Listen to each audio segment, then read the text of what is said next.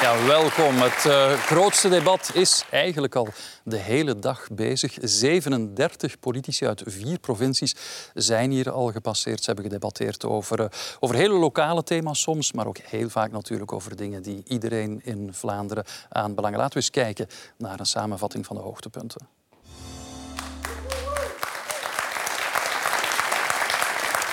Goedemiddag, dames en heren. Fijn dat u er bent voor het grootste debat. Het is echt een fout. Het moet beter, het kan ook beter. Maar laat ons ook niet... Jo.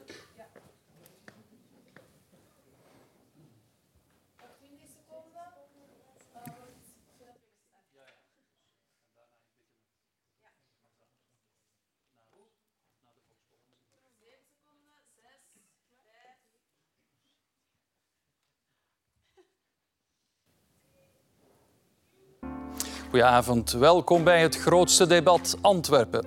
Hier in de coulissen staan de lijsttrekkers klaar van de zeven partijen die volgende week dingen naar de stem van de Antwerpenaren. De campagne is al hard geweest, soms op de rand, soms erover. Vanavond gaan ze met elkaar in de clinch, maar ze moeten een antwoord geven op uw vragen. In Antwerpen vind ik Bart de Wever echt top. NVA is voor mij persoonlijk uit een boze. Ik vind de attitude van Bart de Wever beneden alle pijl om daar mijn stem aan te geven. Ik hou het simpel. Van bezien, van de Groenen. Ik heb vroeger altijd SP gestemd, maar uh, no way. Nu wel NVA. Het is nog moeilijk om te kiezen, je weet niet zo goed waar dat je moet geloven. We hebben de kant van Bart de Wever gezien en nu wil ik de kant van Chris Peters zien. Groen, rood, bruin, wat dan ook. Er zijn toch veel issues die bij de mensen parten spelen waar eigenlijk de politiek geen rekening mee houdt.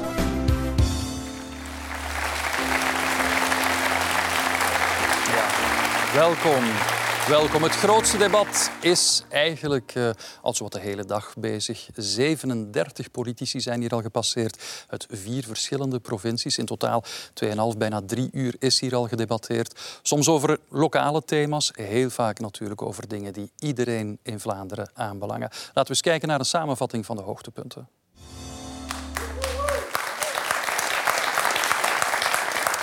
Goedemiddag, dames en heren. Fijn dat u er bent voor het grootste debat. Het is echt een fout. Het moet beter, het kan ook beter. Maar laat ons ook niet onder de gordel en maar modder smeten naar elkaar. Uh, iedereen heeft zijn uh, stijl. Ik heb daar geen boek over geschreven, maar ik heb ons land wel uit de asiel. Ik hoor tussen de regels door dat u niet houdt van zijn stijl. Ja. Ik heb haar boek wel gelezen, maar dat is... Uh... Ik heb uw eerste ook gelezen, want daar kom ik veel in voor.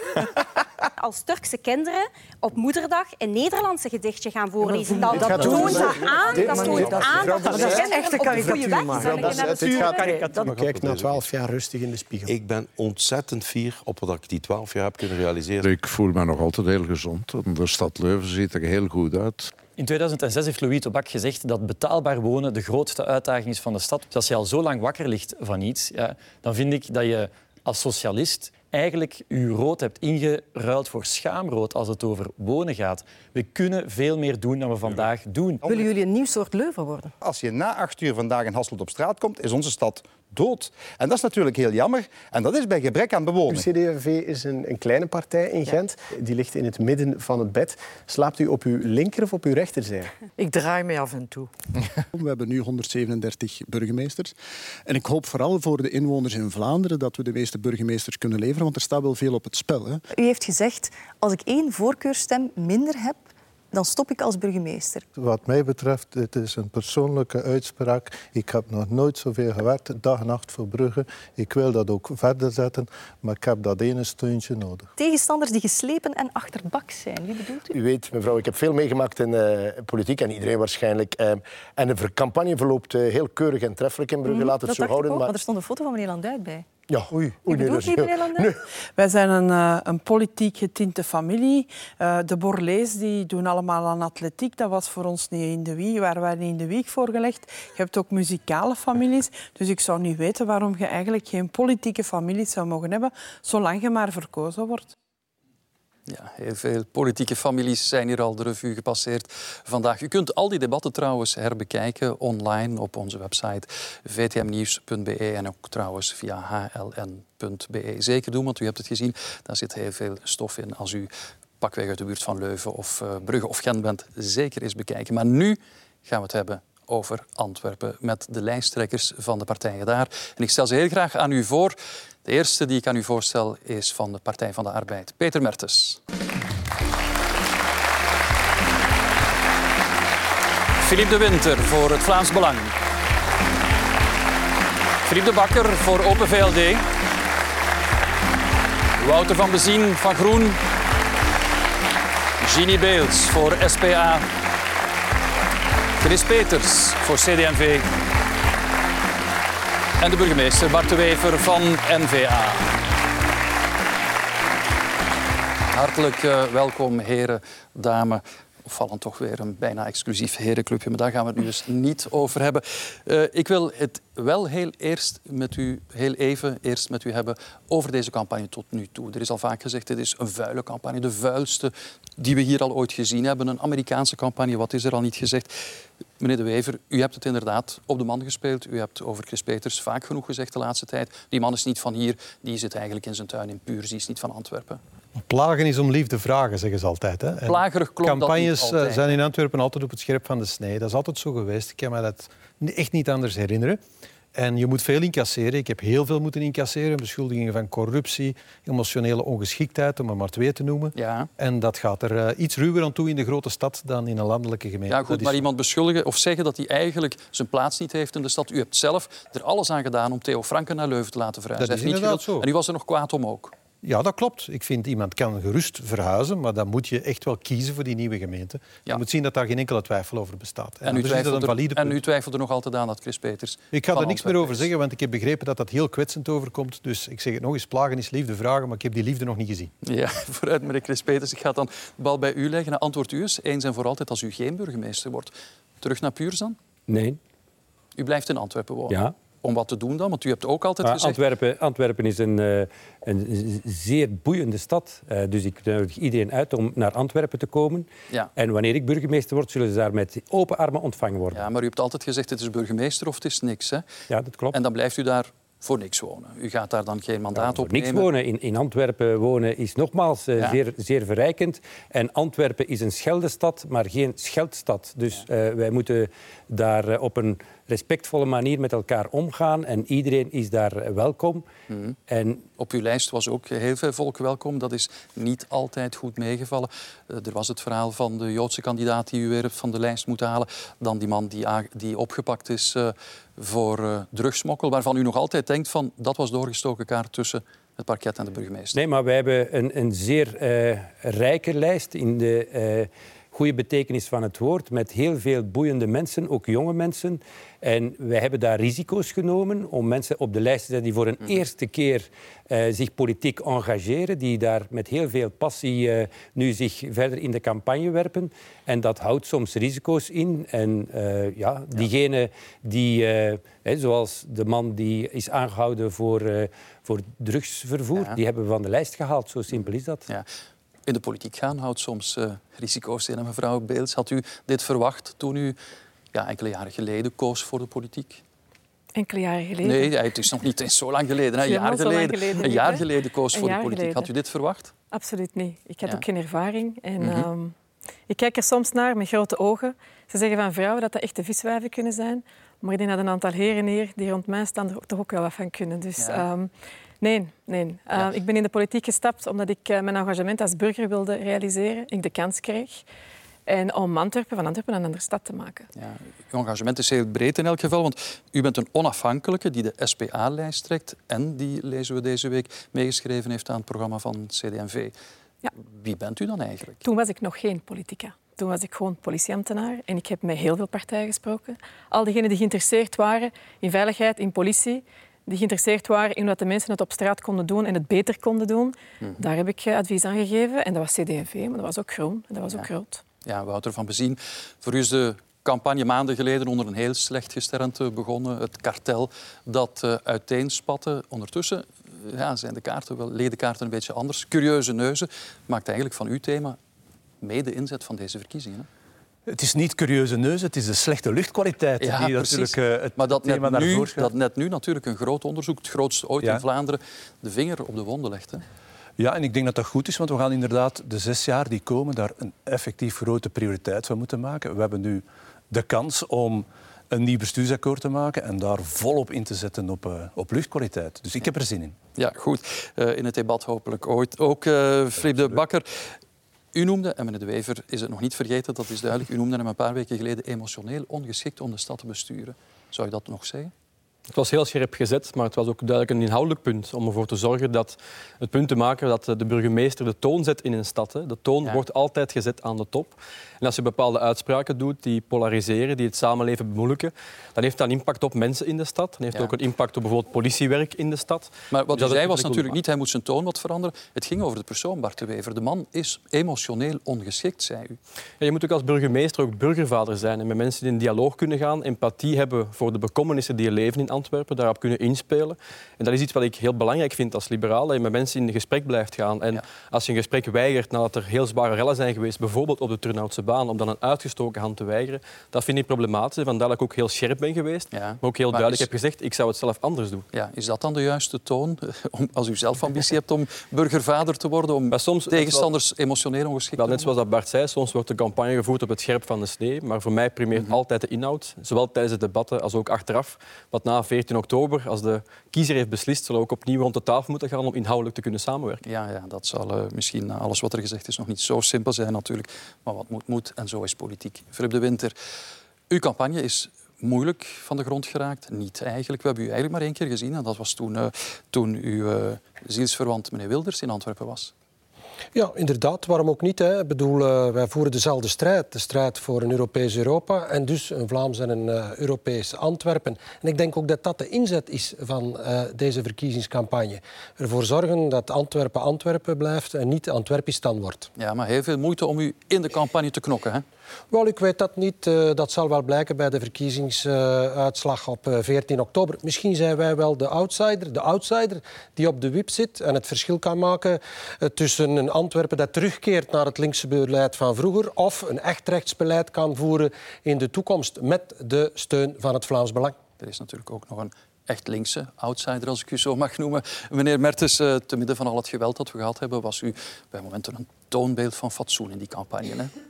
Dank u voor het, campagne, eh, voor het compliment. Ja. Eh, voor ons gaat het echt over inhoud. En ik ben super blij dat het ook vanavond ook over armoede en wonen gaat. Dus wij hameren al zes jaar lang op die twee sociale thema's. Mhm. Want dat is echt problematisch in Antwerpen. En ik hoop echt dat we nog een week lang die thema's van armoede en wonen op de agenda kunnen zetten.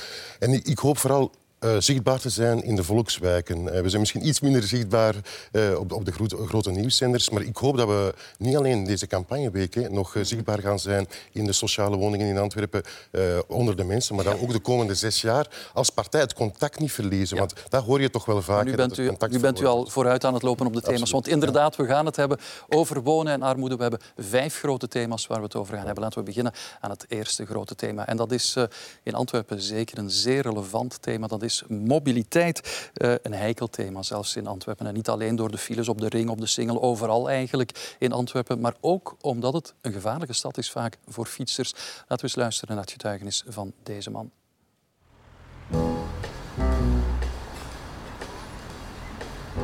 Ik woon hier eh, met mijn gezin in, Antwerpen en ehm, ja, wij voelen ons als fietser eigenlijk niet echt eh, welkom op straat.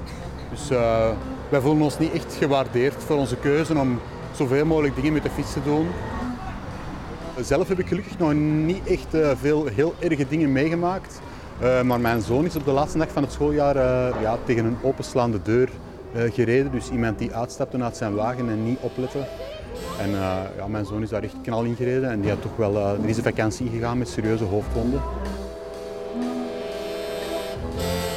Er is een Deense architect, Jan Geel, en die zegt van eh, maak een stad voor auto's en je krijgt gewoon meer auto's. Hè. Als je een stad maakt voor mensen of een stad op mensen maakt, dan krijg je gewoon meer mensen. En eh, ja, mensen die fietsen bijvoorbeeld, die nemen ook gewoon veel minder plaats in dan eh, mensen die in auto's zitten. dus volgens mij kunnen we gewoon, als we onze stad een beetje anders richten, ja, een veel leukere plek maken voor iedereen die ook nog mobiel is. Bart de Wever, de stad kan een leukere plek worden. Maar wie hebt er de afgelopen zes jaar voor fietsers geen leukere plek van gemaakt? Dat begrijp ik wat die man zegt. Hè? Ik zou dat durven betwisten. We zijn na Leuven de meest verkeersveilige stad. Je gelooft het bijna niet als je dit hoort. En er is enorm veel geïnvesteerd in fietsinfrastructuur. In de Kopenhagen-index fietssteden van de wereld staan we nummer 7. Ja. Ver voor alle andere steden. We hebben het singlefietspad uh, vervolmaakt. We hebben het ringfietspad. Er zijn heel veel missing links weggewerkt, aan verkeersveiligheid gewerkt. Maar het gaat nooit snel genoeg, want het aantal fietsers is onder mijn legislatuur verdubbeld. Het fietsvolume. Dus je loopt altijd een beetje achter. En in een middeleeuwse stad is inderdaad de textuur soms moeilijk om alles op tijd aangepast te krijgen. Dus ik begrijp zijn... die getuigenis. Mm Ik heb er heel veel empathie voor. Als je mensen moet ontvangen die uh, hun kind hebben verloren in het verkeer, dat hakt er heel diep in. Ja, maar er, wij werken daar wel aan. Zo heel zijn hard. er veel geweest natuurlijk, want u zegt, en u hebt zeker studies om dat te bewijzen, dat Antwerpen fietsvriendelijk is en de, een van de grootste fietssteden van Vlaanderen. Maar vorig jaar, 17, 15 verkeersdoden in Antwerpen, meer dan verdubbeld tegenover het jaar ervoor, ja. en zes fietsdoden. We vinden het heel onkies dat u met die doden komt. Want een aantal jaar geleden waren er twintig. Je moet naar het totaal aantal van de zware letsels gaan kijken. En dan zie je dat alleen Leuven beter doet. Gent doet veel. En veel slechter. En dat is dan zogezegd het walhalla voor de fietser. Dat klopt ook gewoon niet. Mm. Maar elk ongeval is er een te veel. En ik kan u zeggen, als je ouders moet ontvangen van een kind dat in het verkeer is gestorven, dat zijn werkdagen die je heel je leven herinnert. En wij werken daar heel erg hard aan. En ik vind het onkies om een debat te gaan voeren over mensen die het leven hebben verloren in het verkeer. Uh, dat doe je gewoon niet. Ja, verkeersveiligheid gaat natuurlijk heel vaak daar we werken daar om, echt wel om drama, heel, over drama's die vermeden heel, heel worden. Aan, hoor. Uh, maar dat het onkies is, dat, uh, dat wil ik toch zelf tegenspreken. Meneer Van, de, van Bezien, vindt u dat Antwerpen genoeg heeft gedaan voor de veiligheid van fietsers? Ik vind dat niet. En je, weet dat ook als je met, met jongeren spreekt. 70% van de jongeren die naar school fietsen, die voelen zich onveilig als die fietsen. Uh, ik denk dat er heel veel ouders tussen acht uur en half negen met, uh, met een angstig hart hun kinderen zien vertrekken naar de school. Uh, en er zijn verschillende kruispunten waarvan we weten dat ze slecht zijn aangelegd, waarvan dat we weten dat ze onveilig zijn en die toch op deze manier zijn aangelegd of op deze manier gelaten worden. Dus ik, ik, verwijt dat het stadsbestuur dat men niet de consequente keuze heeft genomen om bij elke herhaling van een kruispunt ook de meest verkeersveilige versie te nemen. En een ander element is natuurlijk uh, de keuze voor uh, doe maar op wat mobiliteit betreft. Als we echt zouden kiezen voor voorrang voor de fietsers, voor voorrang voor het openbaar vervoer en dus voor een minder dominante plaats van de auto, enkel nog voor bewoners, niet voor bezoekers en dat soort dingen, ja, dan krijg je gelijk veel meer plaats en veel meer ruimte voor die fietsers. Dan krijg je gelijk meer verkeersveiligheid, dan krijg je gelijk meer gezonde lucht ook, uh, meer plaats om andere dingen te doen, waar kinderen kunnen spelen, ja. waar feestjes kunnen gegeven worden. Dus dat is een keuze die wij zouden maken, die wij willen maken Antwerpen de volgende zes jaar en die het, het stadsbestuur nu Antwerpen niet gaat is geen fietsparadijs, zegt u meneer Peters. Treedt u uw burgemeester bij en zegt u... ja, daar is onder dit, onder deze, dit bestuur wel werk van gemaakt. Men moet correct zijn. Ik ben als minister-president gestart met de Oosterweelverbinding en het is heel positief dat dit stadsbestuur erin geslaagd is een akkoord te, te sluiten met heel wat uh, actiegroepen en dat eindelijk die Oosterweel er kan gelegd worden. Dat is van een openbaar uh, project, openbaar werkenproject, naar een leefbaarheidsproject gegaan waar ook de fietser voldoende aandacht krijgt. Dat is één.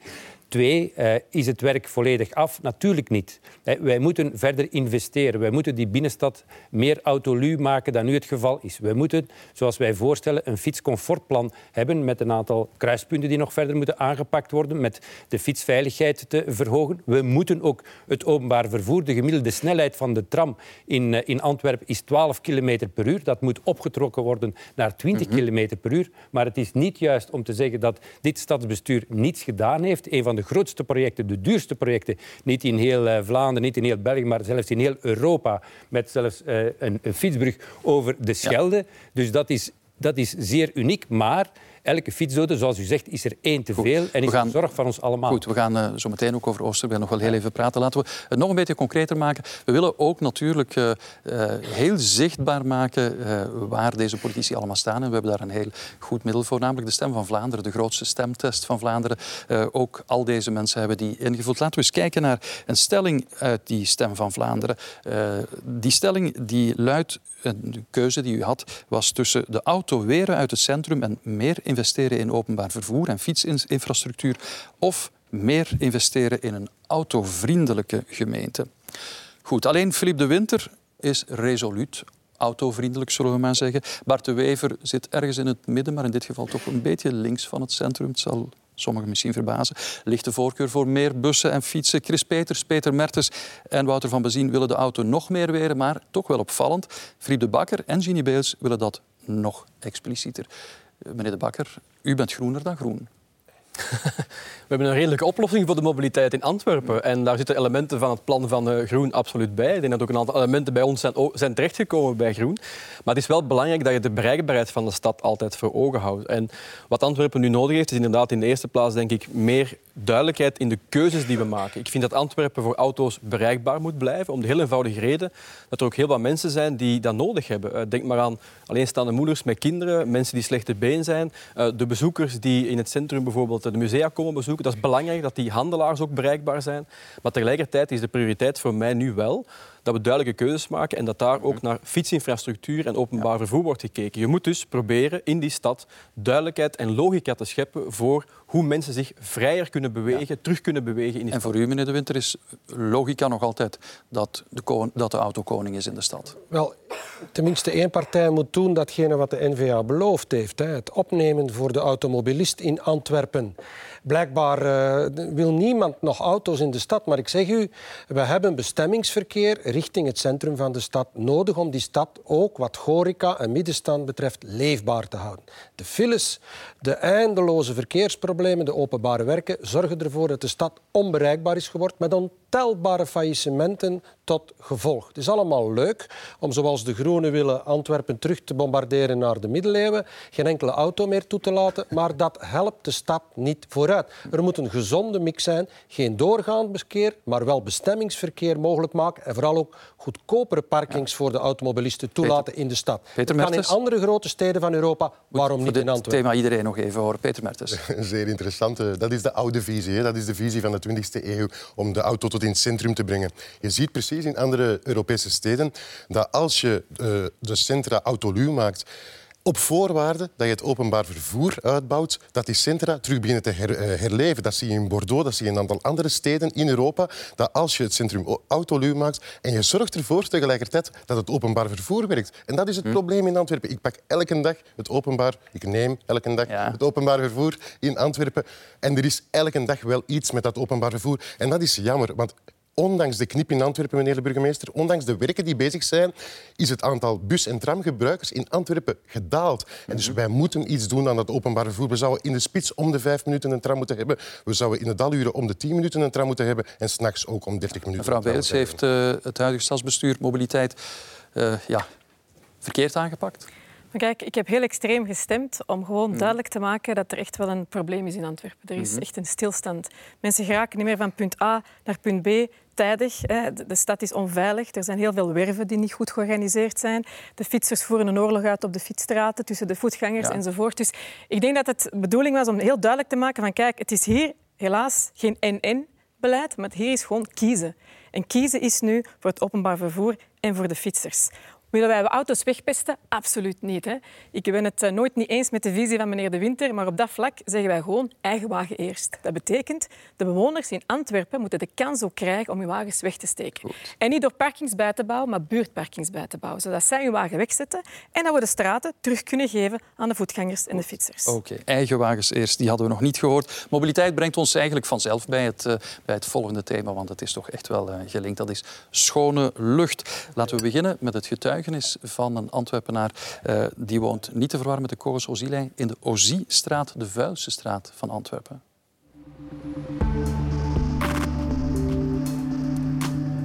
De luchtkwaliteit in deze straat is tot de slechtste van Antwerpen uitgeroepen. En eh, dat baart ons wel zorgen.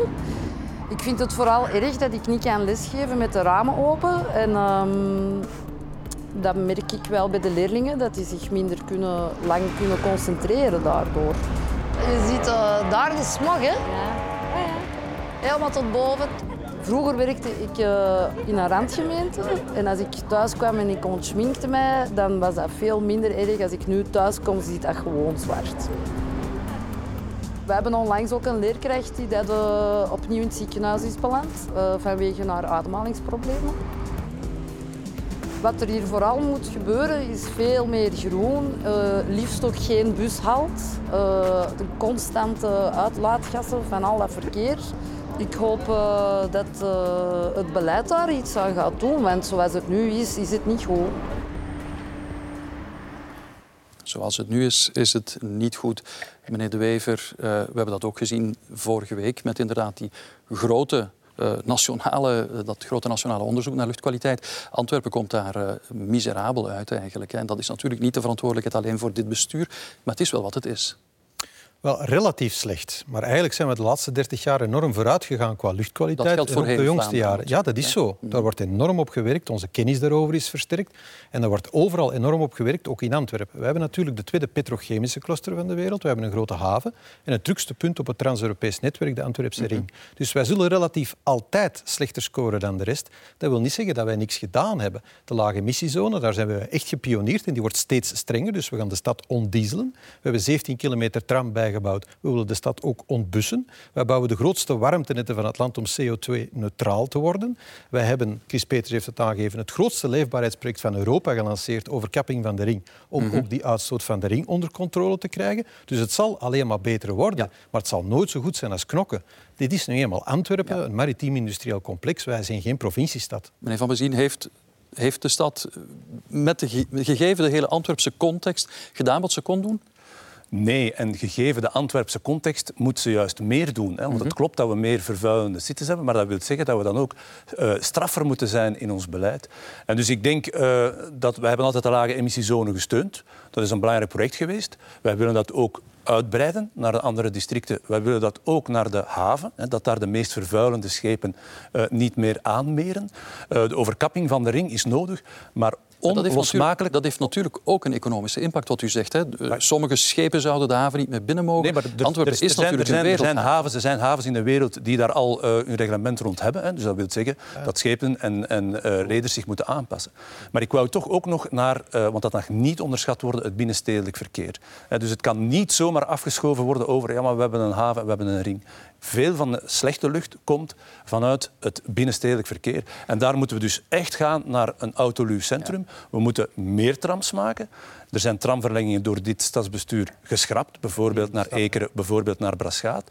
En een autoluw centrum, ik vind het heel sympathiek dat Philippe de Bakker zich helemaal uh, als... als uh, uh, voorstrijder voor een, een, groene mobiliteit. Maar als je het programma van Philippe de Bakker leest, dan lees je daar iets heel anders in. Dan lees je daarin van... beter als uh, we gaan, dus, uh, we gaan, we, we gaan, bijkomen, we gaan bijkomende parkings in het midden van de stad leggen. We, gaan, de Bakker mag, gaan zeker... De Bakker mag zo meteen zijn eigen, ja, zijn eigen programma Ik wou het even corrigeren. Ga naar mevrouw, ga naar mevrouw Beers, want wat we niet kunnen ontkennen, en dat is wat meneer De Wever ook heeft aangehaald, is dat het wel degelijk een N-VA-minister is, minister Wijns ook, die met de intendant heel dat, dat politiek kluwen rond Oosterweel heeft kunnen ontwarren en zelfs heeft kunnen aansturen op de overkapping. En dat ook heeft kunnen, nog niet realiseren natuurlijk, dat zullen we nog wel zien, maar daar een akkoord rond gemaakt heeft. Dat is een historische verdienste van de NVA. SPA heeft dan heel dat, in heel dat verhaal geen al te recht parcours gereden natuurlijk. Hè. Maar wij ontkennen ook niet dat het goed is geweest. En mm -hmm. dat de burgerpartijen ook hun rol daarin hebben gespeeld. Dat mogen we vooral ook niet vergeten. Hè. Ik vind dat er altijd heel veel krediet gaat naar de NVA. Er moet evenveel krediet, als niet meer, gaan naar de, naar de burgerparticipatie. Nu, maar ik vind dat een prachtig verhaal, Oosterweel. En wij staan er natuurlijk achter. Maar ik vraag me af, die overkapping, hoe ga je daarin slagen als je op dit moment zoveel wagens hebt op de ring je moet er een aantal gaan weghalen. De lage emissiezone hebben wij trouwens ook gesteund, by the way, maar die ligt wel vlak naast een hoge emissiezone. Dus het effect van een lage emissiezone gaat eigenlijk volledig teniet door al die wagens die dagdagelijks over heel die ring gaan. En dan stel ik mij de vraag, uh, het, het lesstuk, de lage emissiezone, zou eigenlijk het sluitstuk moeten zijn van een doortastend mobiliteitsbeleid, waar je duidelijk kiest om ervoor te zorgen dat het openbaar vervoer, fietsen, gebruik van treinen, van waterwegen, dat dat ervoor kan zorgen dat je die wagens ja. van de ring gaat halen. Niemand kan daar tegen zijn, maar het is niet genoeg en het is fout geïmplementeerd. Ik denk dat dat niet juist is. Hè. Zoals als je over schepen spreekt. Wij voeren een politiek dat schepen die minder vervuilen, minder havenrechten moeten betalen. En wij zijn wereldpionier in de walstroom. Dus die motoren moeten niet draaien. Je kan die in het stopcontact steken. Dus eigenlijk over zuivere lucht de campagne voeren. Je mag dat doen, maar we zijn het daar eigenlijk over eens. En daar gebeuren gigantische inspanningen. En dat leefbaarheidsproject, ik zeg het nog eens, dat is ongezien. Dat is inderdaad met burgerparticipatie, het grote compromis. Maar wel na twintig jaar niet beslissen, niet besturen. Ja, ja. En de gevolgen zijn momenteel apocalyptisch. Het goede is voor de Antwerpenaars, eindelijk is er perspectief. Wij doen enorm veel werken, enorm veel werven. Er wordt enorm geïnvesteerd om die stad van morgen te bouwen. Ik zou natuurlijk ook willen dat die er al was. Veel mobieler, veel properder. Maar het grootste probleem is dat iedereen stilstaat op de ring. Dat is de vervuiling. Als die doorstroming er is, Meneer is de een groot Bakker, deel van ons meneer de Bakker u profileert zich hier als een groene fietser, maar dat bent u helemaal niet. Absoluut ook wel. van de Absoluut partij wel. van de auto, zegt eh, Schone meneer lucht Van is voor iedereen een prioriteit. En er zijn een aantal duidelijke zaken die je moet doen. Ik ben zelf vader van twee kinderen. Als je deze zomer met die kinderen naar de zee gaat en ze komen nadien terug, dan zie je dus terug beginnen snotteren. Dus die schone lucht is een probleem voor alle Antwerpenaren. Maar je moet natuurlijk wel een aantal zaken doen. En ik ben heel optimistisch over de zaken die we al in gang hebben gezet. De overkapping van de ring naar de intendant is een gigantisch werk dat de luchtkwaliteit in Antwerpen zal verbeteren. De uitbreiding van de lage emissiezone helpt ons om de diesels een stukje buiten de stad te duwen. Maar ook de openbaar vervoer speelt een belangrijke rol. Hè. Wij pleiten voor een Antwerps vervoersbedrijf waar je eigenlijk via concessies gaat kijken hoe dat je met private spelers kan gaan samenwerken. En wat krijg je dan? Juist de modernste technologie, de schoonste bussen, de schoonste trams in je stad. En ook belangrijk, een LEZ in de haven kilt de industrie. Een LEZ op de Schelde zorgt ervoor dat properschepen aankomt. En die bestaat al. Want ik heb een, een LEZ op de Noordzee ingevoerd. Goed. Een derde minder uitstoot. De reductie Goed. van stikstof Bakker, en van uh, meneer de zwavel. ik ga heel even naar meneer 10, hè. Mertens. Meneer de Bakker zegt LEZ voor de, voor de leken, en zo zijn er denk ik toch heel veel lage emissiezones in de haven, kills de industrie. Ja, het probleem met de lage emissiezone is dat ze zich binnen een maximale emissiezone bevindt. En twee concrete voorbeelden eh, over de Schelde, hè, want we hebben het debat verschillende keren gehad. Er zijn elk jaar 36 grote zeecruises die aanmeren tot aan de kathedraal. Equivalent uitstoot van zo één groot cruise, zeecruiseschip is 1 miljoen dieselwagens. Midden in de lage emissiezone. En dus daar moet je maatregelen voor nemen. En ten tweede, als je het hebt over het eh, vervoer in eh, de haven, als je die ring eens bekijkt en als je dan eens bekijkt hoeveel vrachtwagens met één container dat erop staan. Dat is soms bijna een muur op die ring.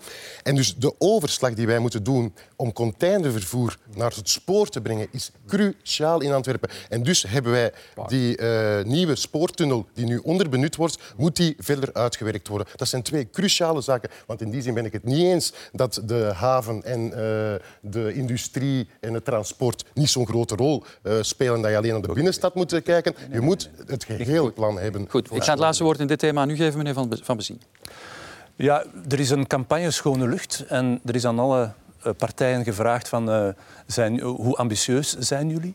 Eh, en dan zie ik dat bijvoorbeeld het N-VA daar maar 5 op 10 haalt. Dus ik denk dat het belang van het thema voor sommige partijen hier rond de tafel toch nog niet doorgedrongen is. We, Zijn een, we zijn een roetvlek in Europa. En je kan dat relativeren. hè. Je kan zeggen, ja, maar vroeger was het nog erger. Dat klopt. Maar het is nog altijd erg. We hebben nog veel eh, kinderen die eh, aan de puffer zitten. En we moeten in het belang van de longen van onze kinderen en ook van de ouderen die daar ook van afzien, Er hebben er dringend nooit zoveel duidelijke maatregelen gezeten. Dat, eh, dat weten we allemaal. Ik ga dit eh, thema nu echt wel afronden. We gaan naar het volgende thema, want er is zoveel te zeggen over nog zoveel dingen in uw fantastische Kwaliteit is stad. wel belangrijk. Ja, maar eh, veiligheid is, is ook ongelooflijk belangrijk. Laten we, het, laten we het daar eens over hebben. Het eh, volgende thema, veiligheid in een stad als Antwerpen. Eh, ook daar gaan we eerst luisteren naar het getuigenis van een Antwerpenaar. Een restaurant uit Water die eh, pas nog is overvallen door een jongerenbende. Een jaar geleden is hier eh, een brutale overval gebeurd. Ehm, twee minderjarigen zijn hier binnengekomen en die hebben de kassa beroofd. Met heel weinig cash in, uiteraard. Het is eigenlijk bijzonder jammer om te zien dat dat Antwerpse buurjongens zijn, misschien met een andere etnische achtergrond, maar die al zoveel jaren hier eigenlijk eh, wonen en ouders daarvan ook wonen en werken, dat die geen enkel perspectief hebben op onze arbeidsmarkt en dat ze op die manier eigenlijk aan de slag moeten gaan. Gaat in orde? Momenteel werken hier eh, Nana en Firas uit Ghana en Irak respectievelijk, omdat die alle twee eh, kansen grijpen en ook binnen een structuur die mogelijk is, maar er kan nog aan gesleuteld worden. Zodanig dat ze kunnen integreren in de reguliere arbeidsmarkt na hun stageuren. Hè, Als je weet dat 1 op 5 ehm, vroegtijdige schoolverlaters in Antwerpen momenteel, eh, dat we daarmee worstelen, dan denk ik dat er nood aan is om, om dat probleem aan te pakken en om die mensen perspectief en kansen te bieden. Dat we kunnen vermijden dat zo'n jongens een overval plegen, maar dat ze hier eh, misschien te werk gesteld kunnen worden met een koksvest in plaats van een bivakmuts. Koksmuts in plaats van bivakmuts. Mooi gezegd, eh, meneer De Wever, maar veiligheid en onveiligheid is een thema dat, dat de Antwerpenaren erg nauw aan het hart ligt. En ze voelen zich vaak onveilig. Ja, toch al minder dan zes jaar geleden. Dat wijst de Vriend-indicator uit, dus de Vlaamse meting daarvan. Mhm. De criminaliteit is met 30% gedaald. Dat is gigantisch. Dubbel zo snel als in de rest van eh, Vlaanderen. We zijn nu de veiligste stad. Dit soort overvallen is met meer dan de helft verminderd. Handtasroven met 70%. Maar natuurlijk, een slachtoffer van zo'n overval heeft aan die cijfers geen, geen, Nee. geen verhaal. Die zegt, mijn overval heeft mijn leven verstoord. En dat begrijp ik. Er zijn natuurlijk ook verschillende, er zijn verschillende soorten criminaliteit ook. Dit soort overvallen en handtassen, diefstallen en zo zijn gedaald. Maar je zit natuurlijk met het gigantische probleem van de, de, de drugsoorlog die op, in de straten wordt uitgevochten. Er wordt geschoten, deze nacht nog is iemand doodgeschoten in de haven van Antwerpen. Dat krijgt u niet onder controle. Ja, dat is te zeggen. Eh, wij zijn begonnen met die strijd tegen drugsnamen en dat jarenlang heeft gedoogd en laten woekeren. Toen ik begon, dan gingen de handelaars met de dealers gewoon op de vuist in Antwerpen-Noord, omdat die paas waren op straat. Nu schieten dat ze hebben wij schoongeveegd. Nu schieten ze. Nee, meneer, eh, dat is helemaal niet juist. Wij hebben die dealers van de straat geveegd. Wij hebben de drugsgerelateerde criminaliteit enorm kunnen verminderen. Wij zijn ook de netwerken beginnen aanpakken. Ik heb heel veel zaken gesloten, meer dan 125 zaken wegens drugs gesloten. Heel veel recherche, heel veel dingen in beslag genomen. Maar natuurlijk, het was zeer ver gekomen. En het soort geweld waar u over spreekt, is geweld van drugsmensen tegen andere drugsmensen. Dat is iets totaal anders. Dat zijn afrekeningen in het milieu. Dat zien we al sinds het Maar jaar 2000. Komt Dat is veiligheidsgevoel niet ten goede? Nee, dat komt hè? natuurlijk niemand ten goede. Maar die mensen weten heel goed op wie ze schieten, als u begrijpt wat ik bedoel. Dat zijn afrekeningen in het milieu. Dat zien we al sinds het jaar 2000. Dat komt overgewaaid uit Nederland. Is natuurlijk een gevolg van jarenlang gedogen, waardoor die georganiseerde misdaad ingeplant is geraakt. Is dat zo, en die moet met wortel en tak eruit. Daarvoor hebben we En, een is het nu, en wordt het nu wel goed aangepakt? Maar kijk, hè, meneer De Wever wijst altijd heel graag naar het verleden. Hè. Ik zou eens eindelijk willen dat we eens nu kunnen kijken naar nu en vandaag. En hij kan niet tegenspreken dat het geweld in de straten de laatste jaren is toegenomen. En maar is het verkeerd, zijn, is het verkeerd maar... aangepakt, was de vraag. Zeker tegen. Het is inderdaad verkeerd aangepakt. Het is geen Mhm. geheim, daar maak ik ook geen geheim van. Hè. Maar gaan minimaliseren, maar ja, het is maar onderling. Er valt altijd nevenschade, hè, totdat er iemand inderdaad slachtoffer is. Dus je kan u dat niet permitteren, zulke uitspraken. En hoe pak je het wel aan? Wel, met stoere taal en panzerwagens en kalasjnikovs. Dat is een wedloop dat de crimineel altijd gaat winnen. Hè. Hoe meer wapens, hoe meer wapens. U hebt twee panzerwagens, hè, meneer, eh, meneer De Wever? Tegen drugs? Ik hoop niet dat u die tegen drugs gebruikt. Ah, Dat zal niet nee, lukken in waarom ieder zegt u dat geval. dan? Maar Waarom zegt u dat dan? Ik Mag ik? gebruik die toch niet tegen drugs? Mag ik? Ja. Ik heb u niet onderbroken, dus... Ja. Mevrouw Beels. Dus ik denk dat we eerlijk moeten zijn. Hè. Hij heeft heel veel dealers opgepakt. De zichtbare overlast is weg, Ja. maar die zit nu achter de voorgevel. En als dat ondergronds gaat, er is niks zo erg voor een politieambtenaar als zaken die ondergronds beginnen te gaan. Ja. Mhm. Want dan heb je daar geen vat niet meer op. En dat is nu heel duidelijk het geval. Hè. We hebben het niet meer in de hand. En dan hoor ik van die fantastische plannen, de stroomplannen, die acht, negen maanden geleden zijn voorgesteld, die nu zogezegd in werking zijn. Waar het cruciale was dat verschillende diensten zouden samenwerken. Hè, lokale politiediensten, de douane, sociale inspectie, de belastingen. En de dag van vandaag zitten er twee diensten samen. Dat is de lokale en de federale politie. En, het de is- rest niet. En het is out of control. Is dat zo, eh, meneer Peters? Is het niet meer onder controle in Antwerpen? Vriendelijk dat u me nog even het woord geeft. Met veel Eh, plezier. Maar enfin, ten eerste, er is een stroomplan. En dat is heel belangrijk, omdat war on drugs alleen Antwerpen kan dat niet oplossen. Daar zijn ook andere diensten voor nodig op de verschillende niveaus. En zelfs internationaal moet daar tegen gestreden worden. Vandaar dat we een stroomopwaarts plan dat verder bouwt op wat eh, er nu eh, al is gerealiseerd. En dat moet natuurlijk in werking treden en uitgevoerd worden.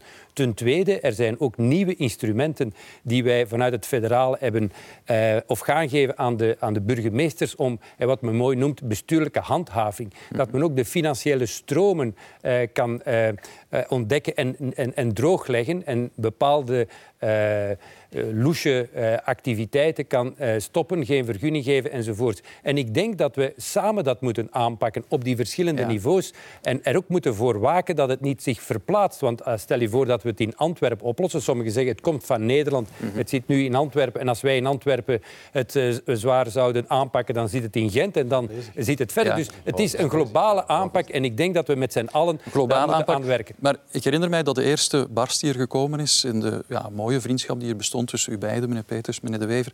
eh, dat was toen u Beuringen ging kopen om te tonen dat u het niet eens was met al die paras op straat in Antwerpen. met andere woorden, dat u het niet eens was met die, even- met die expliciete veiligheidscultuur Sommige dingen van de blijven, blijven lang hangen, ook bij sommige eh, eh, journalisten. Het is zo dat ik naar de mer ben gegaan. Er was ook de schepene, bij- was daar ook aanwezig om duidelijk te maken dat ook al zijn er soldaten in de straten, wat een heel... eh, toch uh, ernstige zaak is. We zaten toen op uh, niveau 3. Dat het ook nog veilig is om daar te gaan winkelen. Als minister van Economie en Consumentenzaken was dat de boodschap die wat anders is uh, geïnterpreteerd, wat spijtig is. En godzijdank zijn nog vele consumenten, Antwerpenaren en anderen, blijven kopen in de winkels in Antwerpen. Goed, ik ga er nog even een stelling bij halen. Daarna komt u ook nog aan, aan bod hoor. Een stelling uit de Stem van Vlaanderen. Laten we die er even bij halen. Die klonk zo. u hebt allemaal moeten antwoorden op deze vraag. Moeten we meer investeren in politie op straat in Antwerpen? Wouter van Bezien was de enige die vond dat dat eigenlijk niet meer hoefde. Peter Mertens, Chris Peters en Bart de Wever vinden eerder van wel. En helemaal overtuigd zijn Philippe de Bakker, Philippe de Winter en Ginny Beels. Uh, meneer de Bakker, u vindt veel meer blauw op straat is nodig. Vindt u dat die Bearcats, want zo noemen ze dan geloof ik, hè, of zo heten ze, die, uh, die uh, panzerwagens, dat dat zin heeft in een stad als Antwerpen?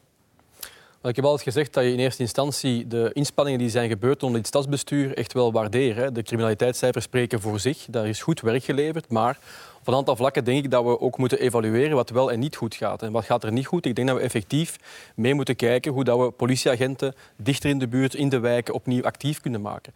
Dat lost een deel van de problemen op. Dat lost een stuk preventief een aantal mhm. problemen op, hè, zoals er juist ook in het filmpje werd aangetoond. Maar dat lost natuurlijk niet de grote criminaliteit rond de war on drugs op. Hè, want mhm. daar hebben we natuurlijk samen het stroomplan gemaakt. Ik denk dat nu moet uitgevoerd worden. Maar ik denk ook dat je moet echt er alles aan doen om de, de voordeur van die drugstrafiek in de haven dicht te doen door bijvoorbeeld de ondermijning van binnenuit aan te pakken door het screenen van havenpersoneel, om effectief financiële stromen in kaart te gaan brengen. Hoe dat, dat zwart geld zijn weg vindt in Antwerpen na loesje winkeltjes, om die loesje winkels te sluiten. Is dat niet veel belangrijker inderdaad? Gaan zoeken van waar gaat dat zwart geld naartoe? Eh, Absoluut, dat, dat, dat doen we vandaag ook. Mijn sociale inspectiedienst hebben al meer dan 200 controles uitgevoerd in grote steden om dat zwart geld in kaart te brengen. Dus die sociale inspectie, mevrouw Beels, want ik hoor bij u veel analyse, maar weinig daadkracht. Wij doen die activiteiten vandaag al. Ze, werken samen, ze delen informatie en, en het is op het terrein bezig. Wat dat ook belangrijk is voor mij, en dat is een aspect dat ook in het filmpje aan bod kwam, dat is een aspect van hoe doe je aan wijkopbouw. Wij pleiten voor stadsmariniers. Stadsmariniers zijn de oren en de ogen van de burgemeester op het terrein om een stuk de repressie tegen de zware criminaliteit te coördineren, maar tegelijkertijd ook perspectief te geven om samen te mhm. werken met mensen van goede wil, om in die wijk opnieuw investeringen aan te trekken, door bijvoorbeeld de grondbelasting te gaan verlagen. Dat is een rol van een stadsmarinier die ik zie. Repressie, maar ook opbouwen. Want je moet die kleine jongens natuurlijk wel van straat houden, hè? ook, in de toekomst. Ik ga nog heel even naar meneer De Winter. Ik neem aan dat u over dit thema ook wel een mening had. Dank u dat u mij ook nog even het woord geeft. Uh, maar er is één iets wat in deze ronde niet aan bod komt. Dat is het feit dat hele stadsdelen ondertussen in handen zijn gekomen van de drugmafia, zeg maar de maffia in zijn totaliteit. En dat gecombineerd met het feit dat we in Antwerpen 20, 30.000 illegale tellen, zorgt voor een tiende district in onze stad, het illegale district, het criminele district, waar de drugbaron het heeft overgenomen van de burgemeester en de politiecommissaris, waar andere wetten en normen heersen, waar het hele van gestolen goed, waar drughandel, waar criminele activiteit het nieuwe normaal is geworden. No-go-zones waar de politie niet meer komt. En daar moet een gewapend bestuur zijn dat optreedt en niet meer gedoogt in de... We kennen de wijken, meneer De Wever, meneer De Bakker, meneer Peters, we kennen die wijken allemaal. Wij komen er niet. Maar de mensen die er wonen, die worden wel geconfronteerd met de overlast. Het laatste woord in dit, laatste woord in dit thema is voor... zijn de no-go-zones van Antwerpen. Waar komt de politie de, Het laatste woord is aan meneer de burgemeester. Waar komt de politie niet meer volgens u? Noem mij één wijk, één buurt, één straat waar onze politie niet komt vandaag. Gaat u met mij mee morgen op de Turnhoutse baan? Ah, daar komt de politie niet. Er is een politiekantoor, meneer daar, Dat daar andere normen en wetten gelden Daar is een politiekantoor op de Turnhoutse baan. Dat daar de drugbaron het voor het zeggen heeft en niet u als burgemeester. Dat is de realiteit. Kijk naar de witwaswinkels. Kijk naar de praktijken die daar dagelijks aan de orde zijn. Ik heb nooit ogen gesloten voor criminaliteit en ondermijnende criminaliteit. Ik heb genoeg federaal rondgegaan, sensibilisering voor het stroomplan. Wat ik nooit zal doen, is zo'n anti-reclame voor mijn eigen stad maken. Nee. Zeggen mensen, blijven de problemen onder de mat vegen en doen alsof er niet zijn. En dan is het oké. Okay. Letterlijk gezegd. En ik veeg geen enkel probleem onder de mat. Ik heb dat altijd recht in de ogen gekeken. En ik heb daar ook veel kritiek voor gekregen. Maar ik heb het ook aangepakt. En de cijfers als, als hier gezegd wordt, de maffia neemt het over in sommige wijken. U zei zelf nog maar een paar weken geleden, de drugsmafia staat op één vingerknip van raadsleden in deze stad. Wat dat is ook geen reclame. is wat de enorme hoeveelheid cash die uit die kookhandel komt, die zoekt zijn weg naar de reguliere economie. En die zie je op alle terreinen bovenkomen. In verenigingen, in sportclubs, in allerlei, in moskeeverenigingen. Overal zie je dat geld bovenkomen. En dat zijn natuurlijk mensen die ook politici ontmoeten. En je moet, net zoals in Nederland, mijn collega's die dikwijls van links zijn, de GroenLinkse burgemeester van Amsterdam, waarschuwt daar heel sterk tegen. Zegt dat is topprioriteit nummer één om die ondermijnende criminaliteit buiten te houden. Mijn socialistische collega van Breda zegt zelfs we moeten onze raadsleden screenen en hen ook informeren waar de risico's zitten. En ik denk dat de feiten hebben bewezen dat die risico's effectief heel reëel zijn in Antwerpen. Goed, ik ga het daarbij houden voor dit... Uh voor dit thema en voor het eerste deel van dit uh, debat. We gaan er heel even uit, maar we komen zo dadelijk bij u terug. Want we moeten het nog hebben over identiteit en samenleven in Antwerpen en wonen en armoede. Tot zo dadelijk.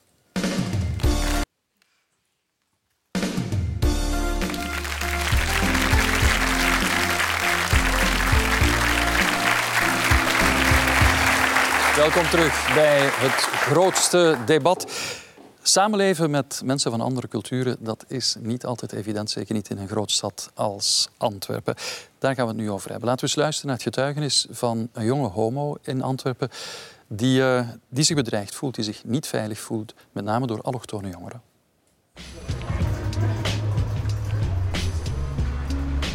Dit is eigenlijk een van de plekken hier in Antwerpen waar ik eigenlijk echt niet graag kom. Um, gewoon puur, ik moet hier eigenlijk heel vaak zijn. Hier achter mij bij de BIP voor mijn uh, studies word ik drama. En um, ik voel me eigenlijk niet zo veilig, omdat ik heel vaak reacties naar mijn hoofd geslingerd krijg. Zoals ja, vuile homo, uh, kerel. En ik vind dat gewoon eigenlijk niet fijn. En ik heb het ook al zelf ook al eens meegemaakt in het Centraal Station uh, bij de metro. Dat, dat, er, dat ze een fles naar mij hadden gegooid en dan mij altijd zaten uit te schelden. Allee, we zitten in een heel diverse stad en dat moet eigenlijk iets zijn dat gewoon kei normaal is. Um, dus ik krijg heel vaak reacties door ja, zeker jongere allochtonen. Uh, ik denk dat er gewoon meer veiligheid op straat moet zijn. Um, gewoon dat er meer agenten op straat moeten komen. Maar um, ook eventueel bij een inburgeringscursus, dat, dat ze dan even de normen en waarden toelichten. Gewoon puur dat, dat ik dan gewoon mij veilig kan voelen en gewoon in mijn stad nog thuis kan voelen. Nou, over die uh, veiligheid en meer agenten waar die jongen het over heeft, gaan we het nu even niet meer hebben. Maar wel wat hij verder nog zegt hè, over inburgering, normen en waarden. Ik ga nu bij u beginnen. Uh, meneer Mertens, uw partij uh, profileert zich als zeer multicultureel. Is dat ook? aanvaardt u een stelling dat iedereen die hier komt wonen onze normen en waarden moet aanvaarden, zoals het dan heet. En bijvoorbeeld moet onderschrijven dat de, de rechten van holibies, gelijkheid van mannen en vrouwen, moet onderschrijven. Ja, er zijn twee verschillende zaken. Mm -hmm. uh, je hebt het wettelijk kader, en dat is superbelangrijk, gelijkheid man-vrouw. En je hebt uh, Europees uh, Verdrag van de Rechten van de Mens.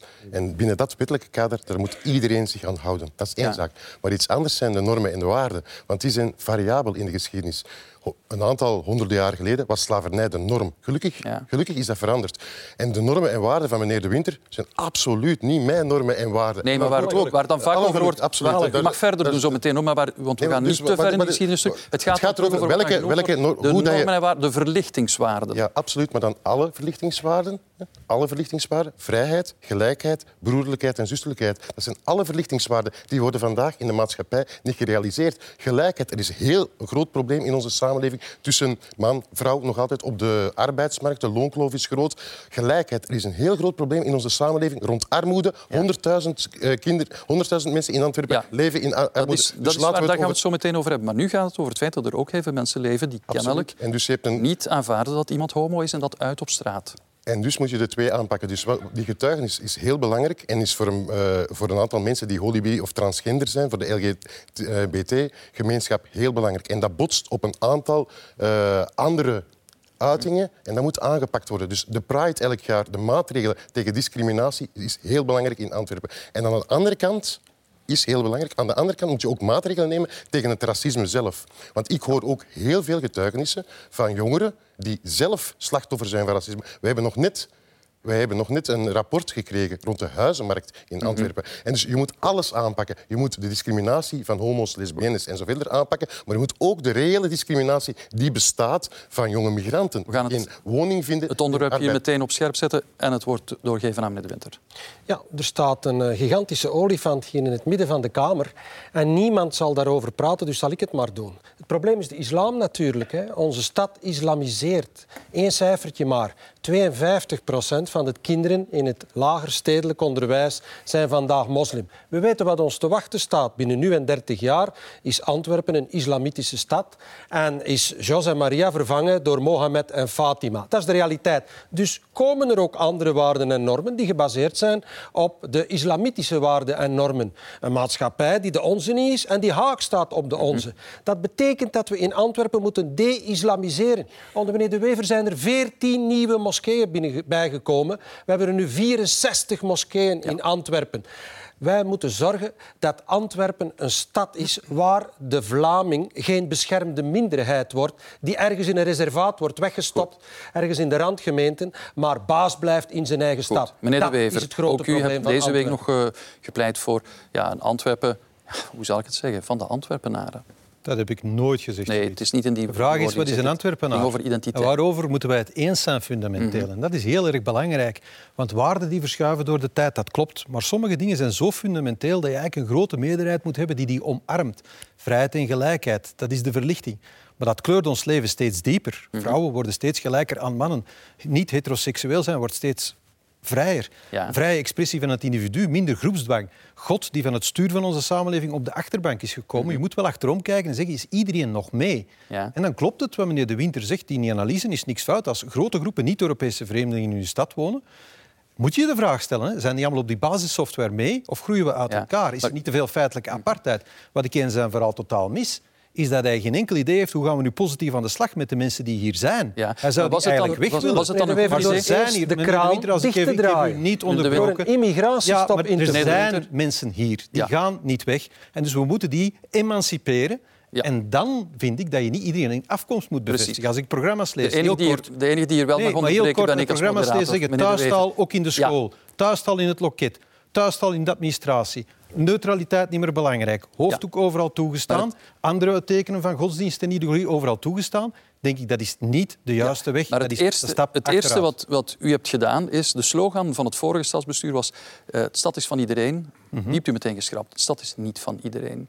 De stad is van iedereen die van de stad is en die er dus moeite voor doet, die ertoe wil bijdragen, die positief is. De stad is niet van drugdealers, de stad is niet van straatracers, de stad is niet van mensen die komen om eh, ons het leven moeilijk te maken. Nee, die mensen die vragen inspanning. Iedereen is van de stad als eh, de stad ook van iedereen is en iedereen ertoe wil behoren. En dat is een inspanning die ik wel durf vragen. Ik ga mensen niet vanzelf in slachtofferschap of in hun afkomst bevestigen. Dat is fout. We gaan, de vraag, we gaan het onderwerp van het filosofische naar het heel concrete eh, brengen. We gaan het hebben over het hoofddoekenverbod in Antwerpen. Want daarover hebt u ook in de Stem van Vlaanderen een, eh, een vraag beantwoord. Ik ga ze er heel even bij.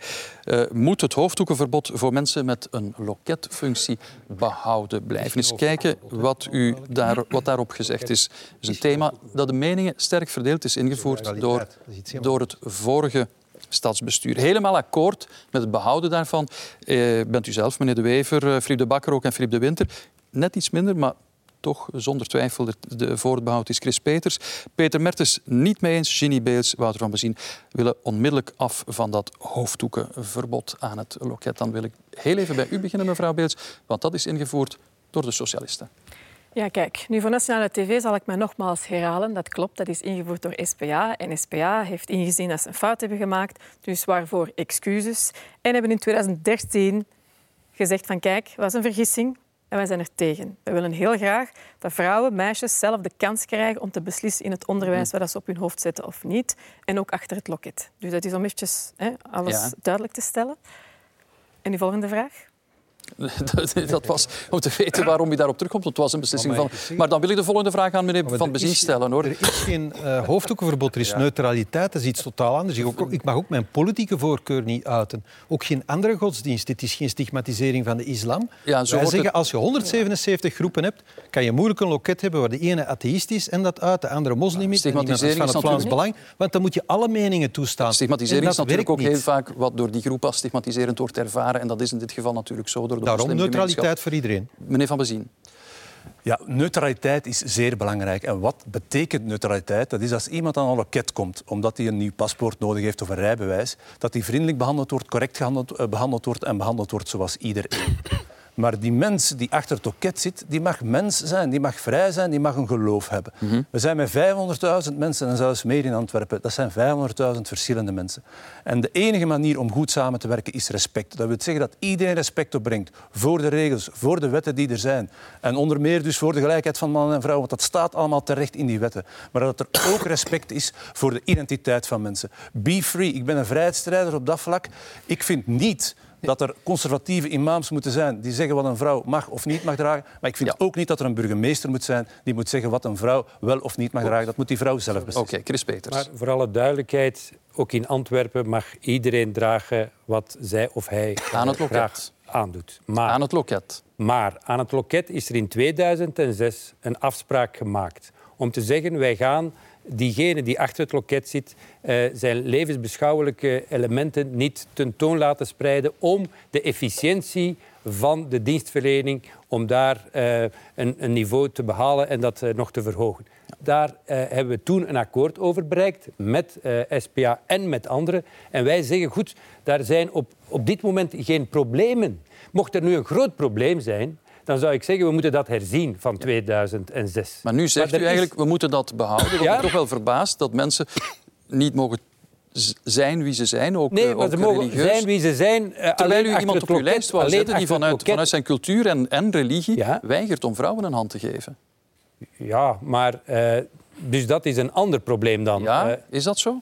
Ja, in die zin, eh, als u verwijst naar wat ik daar heb voorgehad, ik denk dat eh, er gebruiken zijn in Vlaanderen dat men een hand geeft. Mhm. En eh, ik denk dat bepaalde groepen daar met respect voor man en vrouw, bijvoorbeeld eh, sommige Joodse gemeenschappen, die eh, zeer duidelijk het respect voor man en vrouw respecteren, op een andere manier elkaar begroeten. Ik dacht dat u die man op uw lijst wou hebben omdat u wou tonen dat de CVP een partij is, of de CD&V een partij is, waarin mensen van verschillende geloofsovertuigingen die overtuiging ook Zeer mogen zeker. uitdragen. Zeer zeker.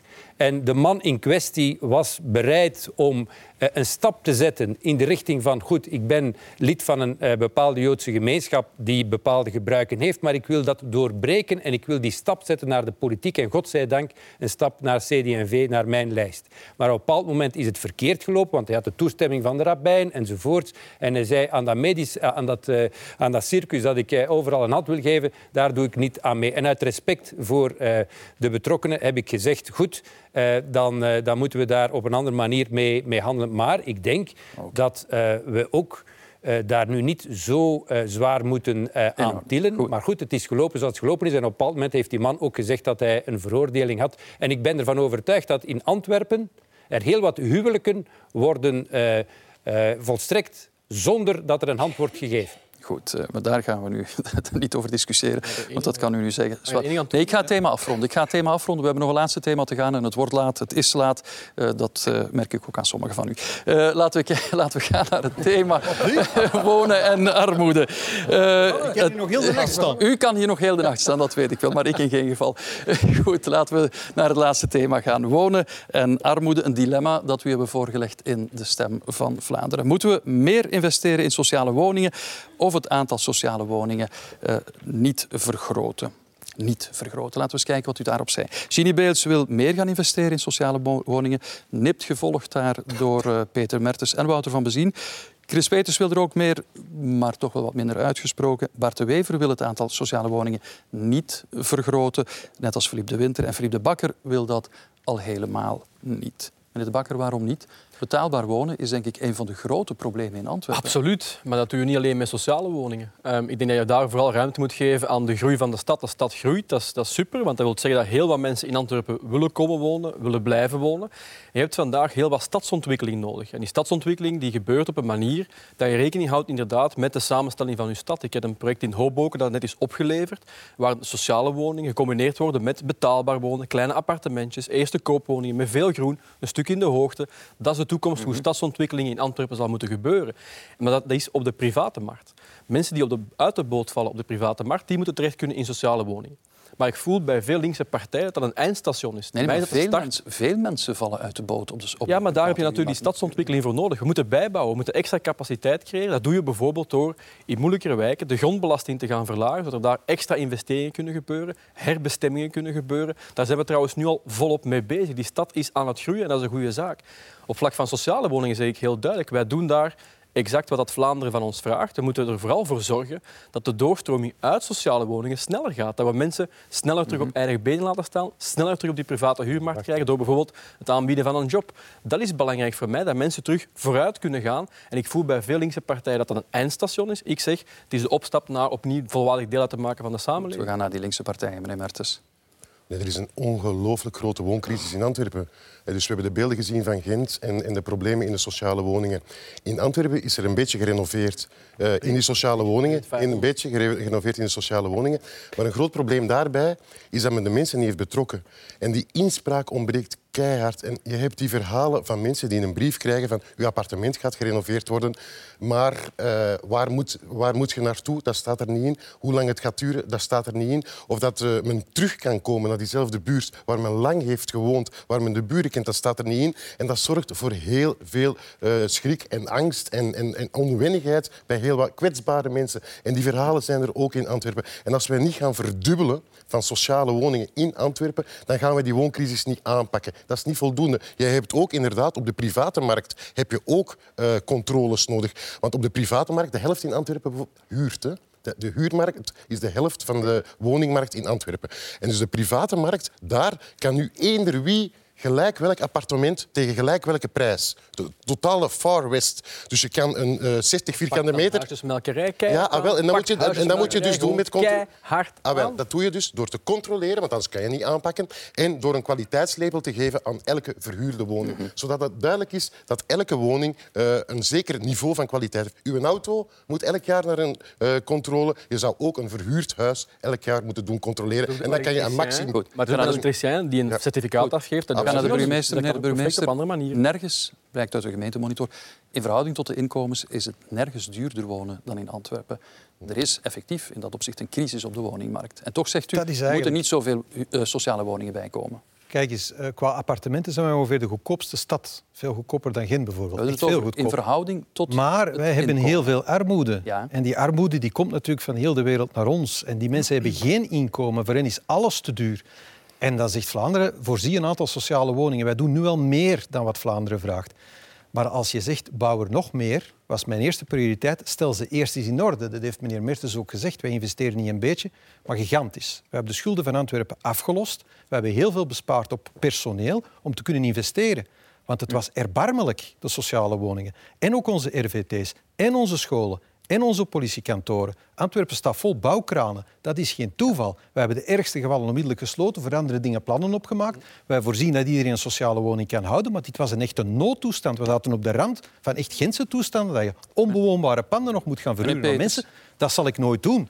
Maar de rest zal je inderdaad op de private markt moeten doen, door die te satureren, Meneer vragen Peters, aanbod en dat? heeft de, gemeente- heeft de stad genoeg gedaan de afgelopen zes jaar? Er is gerenoveerd, maar het grote uitdaging en probleem is nog altijd betaalbare en kwalita- kwalitatief volle woningen eh, huren of kopen. Dat is nog altijd een probleem in Antwerpen. En vandaar ben ik het niet eens met diegenen die zeggen er moeten geen sociale woningen meer bijkomen. Dat is een, een standpunt dat niet houdbaar is. De vraag is eh, hoeveel en waar. Ten eerste, we moeten de concentratie van, so- van sociale woningen eh, toch proberen te milderen en daar waar er nog geen zijn, eh, voorzien. En ten tweede moeten wij resoluut inzetten dat men een, een appartement of een woning kan huren en die kwaliteitsvol is. En dat is in Antwerpen nog een grote uitdaging. We hebben daar concrete voorstellen voor hoe we dat kunnen realiseren naar die jongeren en mensen die een laag Ik ga inkomen voor, hebben. voor dit thema wonen nog heel even. Eerst naar meneer De Winter, dan meneer Van Bezien. Wel, ik hoor bij de meeste partijen altijd het verhaal van meer, meer, meer. We hebben meer sociale woningen, meer onderwijsinstellingen,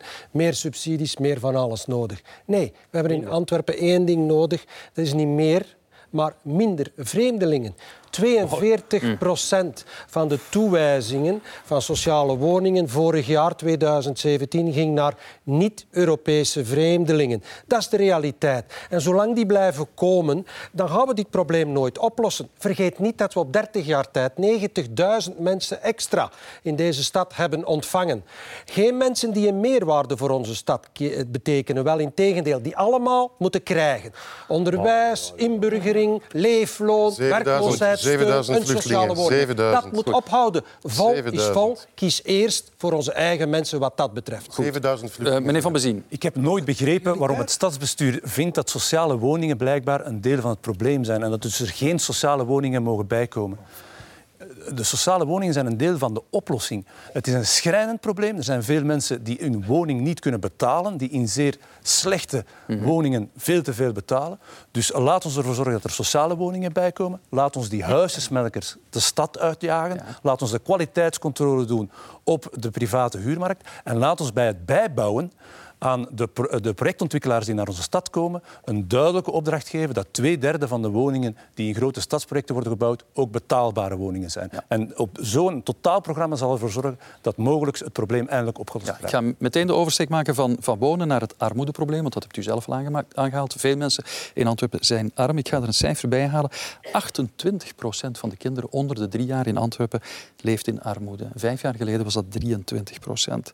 En het armoedebeleidsplan van uw stadsbestuur, daarin stond op één het terugdringen van armoede bij zeer jonge kinderen. zien we in alle centrumsteden. Dat is natuurlijk wel een gevolg van ja, wat er de afgelopen jaren in heel Europa is gebeurd. Hè. Wij hebben bijvoorbeeld, om één voorbeeld te geven, 1800 leefloners die we activeren, toeleiden naar werk. Daarvan is 10% in België geboren. Dat is een cijfer dat ongeveer alles zegt. De armoede wordt geïmporteerd. En als je natuurlijk dweilt met de kraan open, wat spijtig genoeg de afgelopen jaren het geval is geweest, niemand kan het ontkennen, op het Europees niveau deugt dat migratiebeleid niet, dan eindigt dat in de steden van Noordwest-Europa, waar we alles maar moeten absorberen. En de absorptiekracht van Antwerpen die is meer dan bereikt. Niemand kan dit oplossen. Mevrouw in alle steden zie je die stijging. Ook Armoede, Gent, armoede stijgt en de burgemeester zegt het is de schuld van ja, die migrantenstroom die we niet aankunnen. Ja, als niet de schuld is van de sossen, dan is het de schuld van de migranten.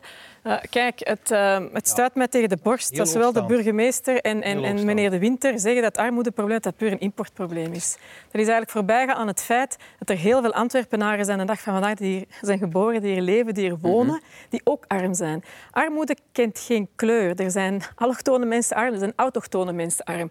Ik denk dat het belangrijk is hè, om zich daarmee bezig te houden. Hè. Ik weet ook wel dat we dat lokaal niet gaan kunnen uitroeien, maar het, het, het ding is dat we de armoede moeten bestrijden en niet de armen. En door zo'n uitspraken te doen, dan schofferen we weer al voor de zoveelste keer heel veel mensen in onze stad. En dat wordt blijkbaar een gewoonte. Voor de waarheid te zeggen. Ja, is, het, is de waarheid zeggen dat armoede een importprobleem is? Dat is, dat is de waarheid. Verkrachten, bij manier van spreken. Nee, eh, beste mensen, de waarheid is dat het over middernacht is. Dus ik echt een einde gaan moeten maken aan, aan dit debat dat, eh, dat eh, meeslepend was en ons naar heel veel verschillende thema's heeft gebracht. Heel kort wil ik nog afronden met een vraag aan enkele van u. Eh, ik ga bij u beginnen, meneer de burgemeester. Kan u burgemeester worden? Schepen worden, wil ik zeggen. Kan u schepen worden onder burgemeester Peters? Dat is niet direct mijn ambitie, nee. Niet de ambitie, maar is het een realistische optie voor u als meneer Peters met 5% van de stemmen toch burgemeester zou worden? Dan zal dat niet in een coalitie zijn met de N-VA, denk ik. Ik denk ook niet dat die uitspraak is gebeurd met dat voor ogen. Nee, dat zal inderdaad ook wel niet. Eh, meneer Peters, echt geen havenschepen? Nee, ik ben daar eh, duidelijk in geweest. Het is burgemeester of niks? Eh, er zijn nog eh, vele andere activiteiten, maar eh, als het... eh, en we hebben nog vele andere mensen. Nee, dat is heel duidelijk. Ja, dat zou wel zijn. En dat... trouwens, die 5% zal geen 5% zijn. Nee, nee, maar ik citeer u. Hè. U hebt Nee, nee, zelf- u, u citeert de vraagsteller, niet mij. Goed, Eh, meneer Van Bezien. eh, vorige week nog zette meneer De Wever de deur eh, open voor een mogelijke coalitie met Groen. U hebt ze toen... Echt niet waar, hè? Dat is wel waar. Nee, nee, nee. Ik heb gezegd, je mag de stad niet onbestuurbaar laten. Ik heb Op de, vraag, groen zelfs niet uitgesproken. op de vraag of het denkbaar was, een coalitie met Groen, hebt u gezegd, in geen geval mag de stad onbestuurbaar zijn. Dat drie keer herhaald. Om te zeggen van, ik ga daar geen nee op zeggen. Hij zette de deur open. U hebt ze dichtgeslagen. Ik heb toch ook de tocht gevoeld, moet ik Ja. zeggen. Maar eh, ik heb ze inderdaad eh, dichtgetrokken. Een fris windje. Omdat ik, omdat ik denk dat... eh, allee, omdat ik weet dat onze programma's zo ver uit elkaar liggen. Vandaag zijn er ook al verschillende thema's gepasseerd. Rond respectvol samenleven, rond betaalbaar wonen, rond gezonde lucht. Waar wij een ommekeer willen van beleid. En het is duidelijk dat meneer De Wever zijn beleid verdedigt en wil verder zetten. Wij willen de stad een heel andere kant uit, uitduwen. En dat is goed voor de kiezers. Dan is er keuze. En Goed, dan, maar u zegt dus ongeacht de uitslag en de mogelijkheden daarna, of de beperkte mogelijkheden misschien daarna, wij besturen niet met NVA. Nee, om inhoudelijke redenen. En dat is eh, denk ik ook democratisch gezien interessant. Dus de mensen die voor ons stemmen, die weten wat ze aan ons hebben en wat wij met die stemmen gaan doen. Goed, en we gaan dat opschrijven. En dat u eigenlijk ja, ja. zegt niet met NVA. We zullen het na 14 oktober of een paar weken later misschien nog eens voorleggen dan. Goed, uh, laten we aan de laatste ronde beginnen. Uh, ik heb voor elk van u nog één vraag.